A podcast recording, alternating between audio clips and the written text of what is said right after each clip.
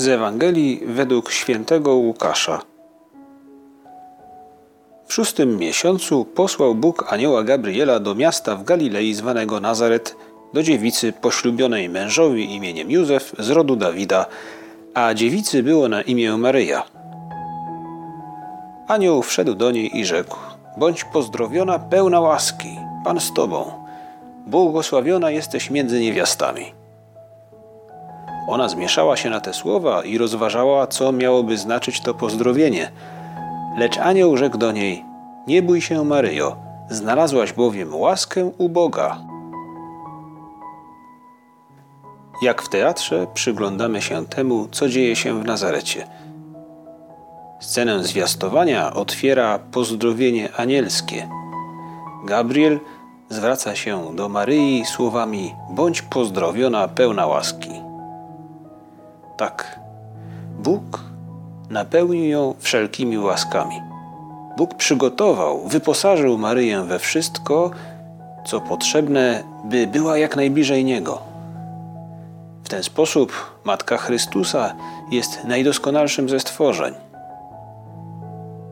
Panie Jezu, pomóż mi popatrzeć na Twoją matkę i pomóż mi chcieć, pragnąć, zdobywać te doskonałości, które w niej mogę zobaczyć. Chciałbym być jak ona, by być bliżej Ciebie, by wystawić się bardziej na promienie słońca Twojej łaski, by ona zadziałała w moim życiu. Niedługo potem, po spotkaniu z aniołem, Maryja podróżuje do krewnej swojej Elżbiety, która oczekuje narodzin Jana Chrzciciela. Maryja wie, że w jej własnym życiu rozpoczęła się niesamowita, nadprzyrodzona przygoda. Kto inny uwierzyłby w swoją wartość, w swoją doskonałość, pomyślałby może, no jestem niezły, jestem kimś. Jak jeden z piłkarzy, nieznośny i niesamowicie zdolny. Jego talent zmarnował się przez brak pokory. Któregoś razu po strzeleniu gola pewny siebie pokazał napis na podkoszulce: Dlaczego zawsze ja? Zapomniał o drużynie, o tych, bez których żadna kamera nie wycelowałaby w niego obiektywu. Maryja jest inna. Maryja jest pokorna. Na pozdrowienie i pochwałę Elżbiety odpowiada: Tak, wielkie rzeczy uczynił mi wszechmocny. To nie ja sama. Tak, Maryja jest pełna łaski.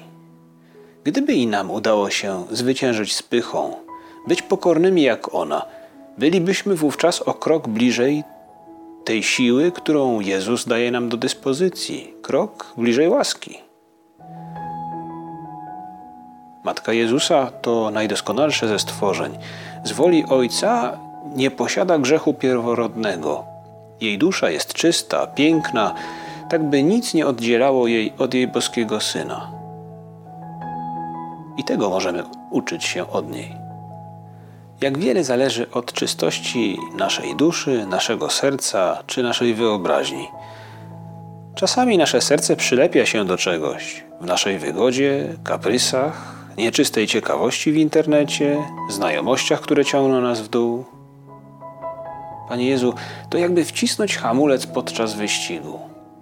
A to przecież wyścig po Twoją łaskę, po Twoją miłość.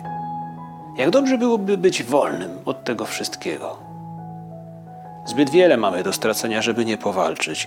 Wołajmy więc do Maryi, tak jak zwracamy się do niej podczas nabożeństwa majowego.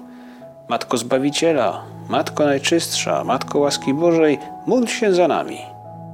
Prosimy Cię, daj nam serce bez przeszkód, bez hamulców, by być bliżej Jezusa, Twojego Syna. Pomóż nam być pokornymi. Pomóż nam mieć czyste serce. Ta bliskość, bliskość Jezusa nie jest tylko dla nas samych. Ona jest dla nas i dla innych, bo my wiemy dobrze, że mamy misję. Bóg chce razem z nami podbić świat. Iluż przyjaciół zbliżymy do Boga, jeśli będziemy lepsi, jeśli będziemy bardziej święci?